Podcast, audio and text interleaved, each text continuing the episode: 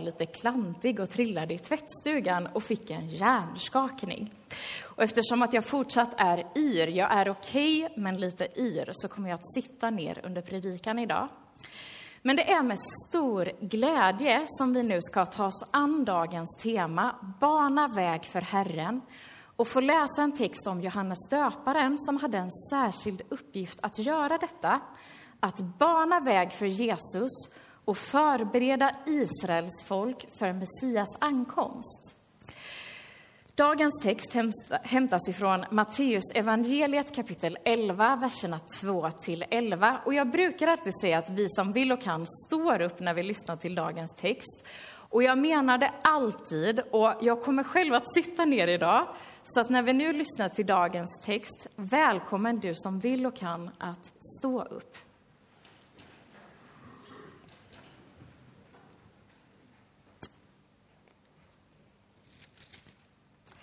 Johannes fick i sitt fängelse höra om Kristi gärningar. Och han skickade några av sina lärjungar för att fråga honom Är du den som ska komma eller ska vi vänta på någon annan?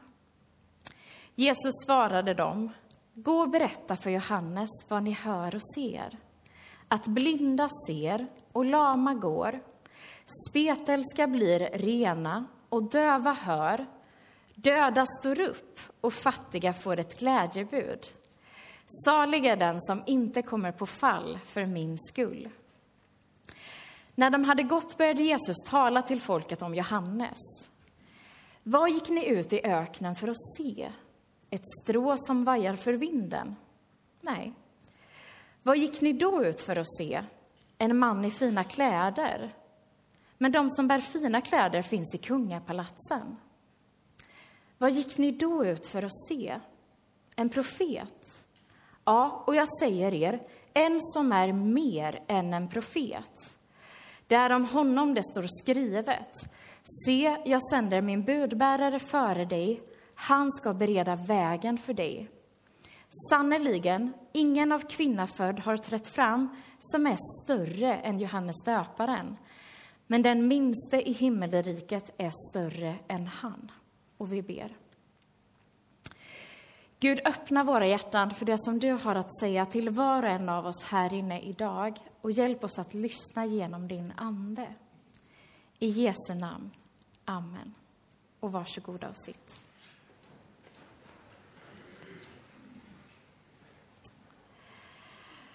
Genom livet så har jag under vissa perioder regelbundet träffat en andlig vägledare som jag då har talat med om Gud och om min gudsrelation. Och varje gång som jag har berättat för den här personen, oavsett vem det har varit, om vad jag för tillfället har grubblat på, så har jag fått frågan tillbaka. Har du pratat med Gud om detta? Och eftersom att samma fråga alltid kommer så är jag förberedd på den. Men ändå så behöver jag stanna upp, ransaka mig och tänka efter. Har jag pratat med Gud om det jag tänker på? Eller har jag mera gått till mig själv och fastnat i mina egna tankar och ältat? Och vad är skillnaden mellan de här två tillvägagångssätten? Johannes döparen och Jesus är släkt med varandra och de föds med ungefär ett halvårs mellanrum. Och när de kommer till världen så har judarna inte haft någon profet på nästan 400 år. Profeterna i Gamla testamentet var personer som hörde Gud tydligt och förmedlade Guds ord och vilja till både folket och till folkets ledare. Deras uppdrag var alltså att påminna om Guds existens och vikten av att följa Gud eftersom att Guds väg leder till det som är gott. När folket och ledarna var mottagliga och öppna för budskapet så blev profeterna populära. Men när de sa lite för obekväma och jobbiga saker så blev de hatade, förföljda och i vissa fall dödade. En av de sista profeterna på Gamla testamentets tid, det var Malaki, vars ord finns bevarade i den sista boken i Gamla testamentet och som Jesus citerar i dagens text när han säger Se, jag sänder min budbärare före dig, han ska bereda vägen för dig. Och Jesus knyter det här till Johannes döparen på två sätt. Både att han är den budbärare som Malaki profeterat om och att han är en av de första profeterna efter Malakis tid. Jesus säger om Johannes att han är en som är mer än en profet. För Johannes, han inte bara hör Gud och talar Guds vilja, utan han lever det han säger. Hela hans liv kretsar kring uppdraget att bana väg för Herren. Han drevs inte dit vinden förde honom, utan levde målmedvetet. Det här är en bild från ett kyrkfönster i kommuniteten i Tessé som föreställer Elisabet med Johannes döparen i magen och Maria med Jesusbarnet i magen. För redan när Johannes ligger i mamma Elisabets mage så meddelar han sin första profetia. När Maria blivit gravid med Jesusbarnet och kommer på besök till dem så sparkar han till i sin mammas mage för att berätta att frälsaren är i rummet. Och då fylls mamma Elisabet av helig ande och uttalar den första profetian på 400 år. När han växer upp så går Johannes sin egen väg, eller kanske ska vi säga Guds väg, och blir inte präst som sin pappa. Han lämnar ett svenssonliv i familjehushåll för att istället bo, leva och verka i öknen tillsammans med sina lärjungar. Han bär kläder som är gjorda av kamelhår och äter gräshoppor och vildhonung.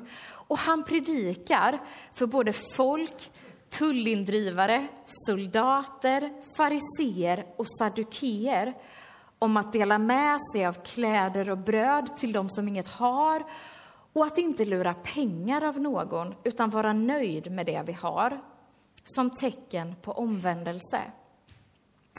Men till skillnad från andra profeter så talar han inte bara till folket och ledarna, utan erbjuder en omvändelsehandling genom att döpa dem. Alltså ännu ett steg i förberedelsen på Messias ankomst, som inte bara gick ut på att ta emot budskapet genom att höra det, utan också göra någonting som gensvar.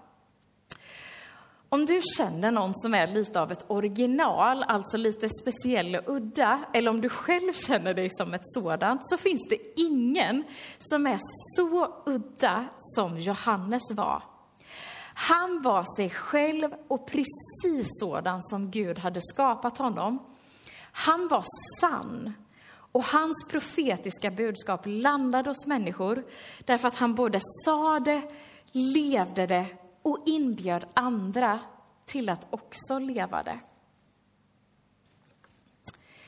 Jesus säger till och med att ingen av kvinna född har trätt fram som är större än Johannes döparen. Alltså, han är den största profeten hittills. Men så säger också Jesus att den minste i himmelriket är större än han. Därför att Johannes döparen är den sista profeten i det gamla förbundet. Johannes är störst, för han var den profet som bäst och mest levde ut Guds vilja och som dessutom fick träffa den här Messias som de flesta hade profeterat om. Men han kommer inte själv att få uppleva Kristi verk på korset och det nya förbundet med nåd som Jesus kommer med. Johannes får vara med i himmelriket men får inte själv uppleva Messias verk på jorden och räknas därför bland de minsta där. Och hans tid är tyvärr snart kommen. När Johannes tillrättavisar en makthavare så hamnar han i fängelse och eftersom risken var stor för profeter att dö som martyrer så anar han att han inte har lång tid kvar. Och Johannes har ägnat hela sitt liv åt att bana väg för Herren. Den Messias vars advent, vars ankomst judarna väntade på. I fängelset börjar han nu grubbla och vill försäkra sig om att Jesus verkligen är den Messias de har längtat efter. Hittills i Matteus evangeliet så är det bara demonerna som har förstått att Jesus är Guds son, medan folket inte alls hänger med. Johannes har också i sin tur predikat om den kommande vreden, där träd som inte bär god frukt ska huggas bort och kastas i elden. Medan Jesus har talat om barmhärtighet mer än om dom. Johannes vill nu veta att han har banat väg för rätt person, så han skickar några lärjungar för att fråga Jesus om han är Messias. Johannes låter sig alltså inte fastna i sina egna tankar och grubblerier och ältanden, utan han går direkt till Gud med sina frågor. Och på så vis är Johannes ett föredöme för oss idag. I dagens text så är Jesus nu då både Gud och en andlig vägledare och han gör precis som både Gud och andliga vägledare gör. Han ger ett halvtydligt svar. Han säger inte jajamän, jag är Messias, den som ska komma. Istället så ber han folket att själva tolka vad de ser och hör. Och han hjälper till genom att peka på vad de ska se och höra. Nämligen att Jesus har uppfyllt sex stycken profetior som Jesaja hade sagt att Messias skulle göra. Han har botat två blinda, han har botat en lam man i Kafarnaum, han har gjort en spetälsk ren, han har uppväckt Jairos dotter från de döda och han har gett fattiga ett glädjebud genom saligprisningar. Han har dock inte botat en döv så som han säger, men på svenska så använder vi ordet dövstum och även på grekiska så är orden för döv och stum typ detsamma. Och Jesus har nyss botat en stum demon. För oss som läser det här efter uppståndelsen så är det supertydligt att Jesus genom den här uppräkningen av mirakel säger att han är Messias. Men ganska snart så kommer några tro att Jesus driver ut demoner med hjälp av Belsebul istället för med Guds kraft. Så för de flesta på den här tiden så var nog Jesus svar halvtydligt. Men för Johannes är det här svaret supertydligt. Jesus svarar profeten Johannes på profeters vis genom att citera profeten Jesaja. Jesus svarar med ord som den som frågar kan förstå.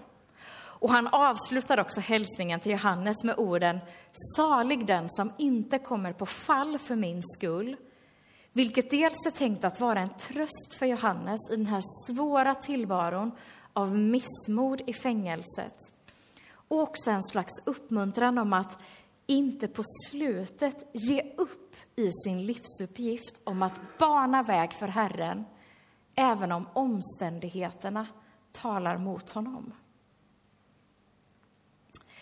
I den här sista delen av predikan som vi nu går in i så ska vi fokusera på tre saker till som Jesus gör i sitt svar som andlig vägledare.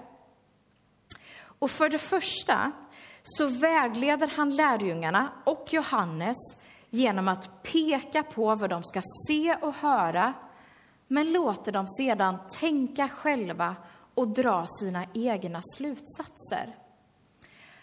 Och det här är ett budskap till oss även nu i juletid.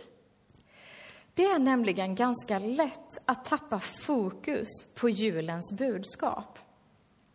I år är det så kort adventstid det bara går att ha eftersom fjärde advent är på julafton.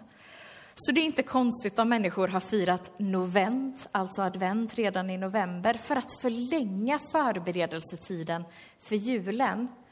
Eller om vi trots det faktiskt känner oss lite överhopade över allt som ska göras. Men vi får försöka att inte låta tanken fastna eller tappa fokus.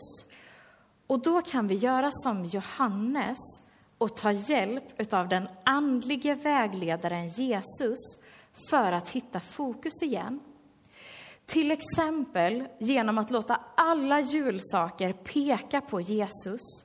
Och så får vi försöka själva göra kopplingarna med vad säger granen om vem Jesus är? Julpuntet, julbakningen, presenterna. Hur är allt det här symboler för Messias? På så vis banar vi väg mitt i julstimmet för Herren och för julens budskap om fred och frid och att en frälsare har fötts åt oss i Davids stad. För det andra så förutsätter Jesus att Johannes lärjungar hänger med och ser och hör vad han gör. Om de ska kunna dra sina egna slutsatser så måste de nämligen erfara Jesus, gå bredvid honom och askultera. Askultera är ett svårt ord som jag aldrig hade hört förrän jag kom till högskolan. Men askultera är ett så bra ord som innebär att vara med och undersöka genom att se och höra och sedan lära av vad det är vi ser och hör. Ordet användes till exempel när vi var ute på praktik. För när vi till exempel hade praktik och skulle lära oss om vigslar så fick vi askultera präster och pastorer när de hade vigslar så att vi lärde oss någonting av vad de gjorde. Att testa själva att viga folk, det fick vi göra på skolan så att det var okej okay att det gick lite fel eller att man snubblade på orden eller vad man gjorde. Men på praktiken fick vi askultera, att vara med, vara supernärvarande, registrera allt som händer och lära av det. För för det andra så behöver vi i juletid hänga med och se, gå bredvid Jesus och askultera så att vi sedan kan göra likadant. Försök gå bredvid Jesus så mycket du kan den här julen. Vänd dig till Gud istället för från Gud. Tala med Gud och inte bara om Gud. För det är viktigare än att trycka in nejlikor i en apelsin eller att koka den perfekta julskinkan. Det här är skillnaden i tillvägagångssättet mellan att fastna i sina egna tankar istället för att tala med Gud om saker. Och det kan vara hela skillnaden mellan att uppfatta julen som stressig och hektisk eller som mysig och fridfull. För det tredje och sista så säger Jesus åt Johannes lärjungar att gå och berätta för Johannes vad ni hör och ser.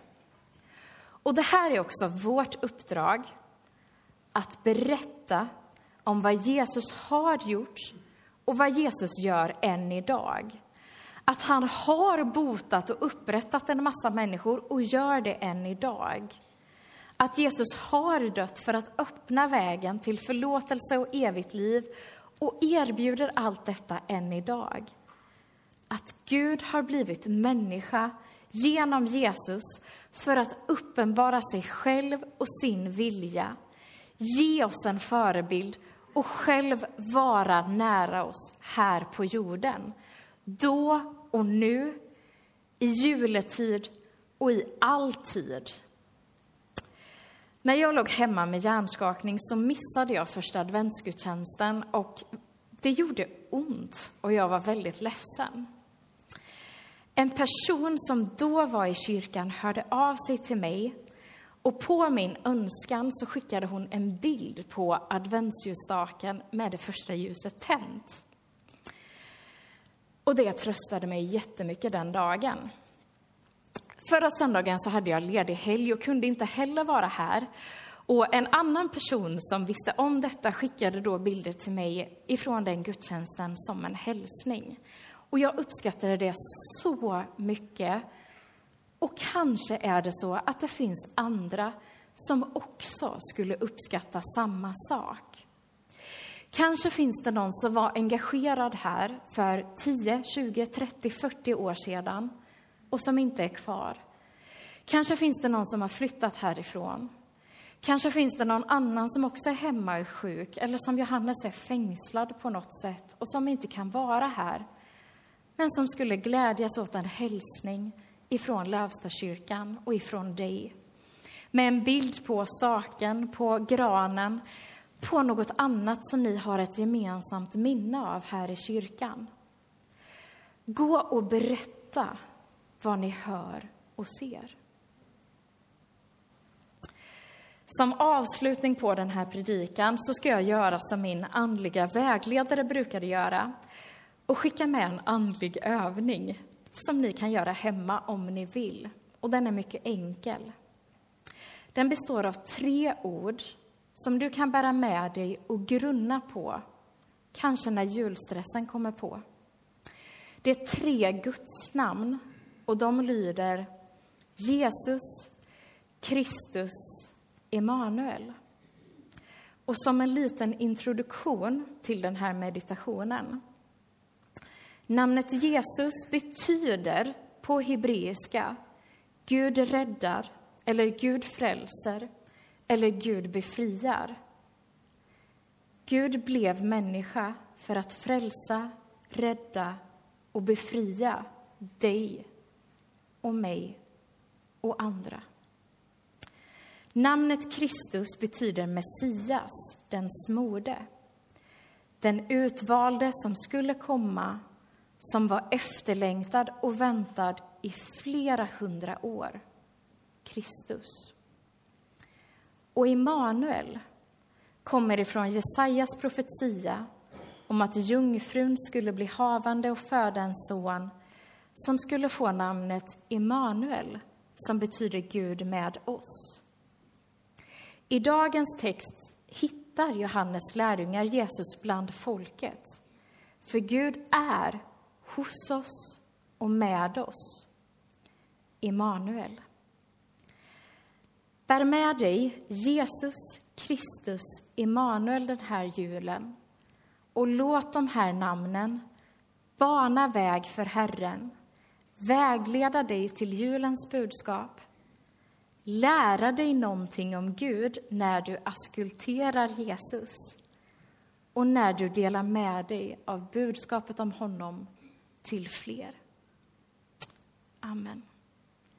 Och vi lyssnar till en sång.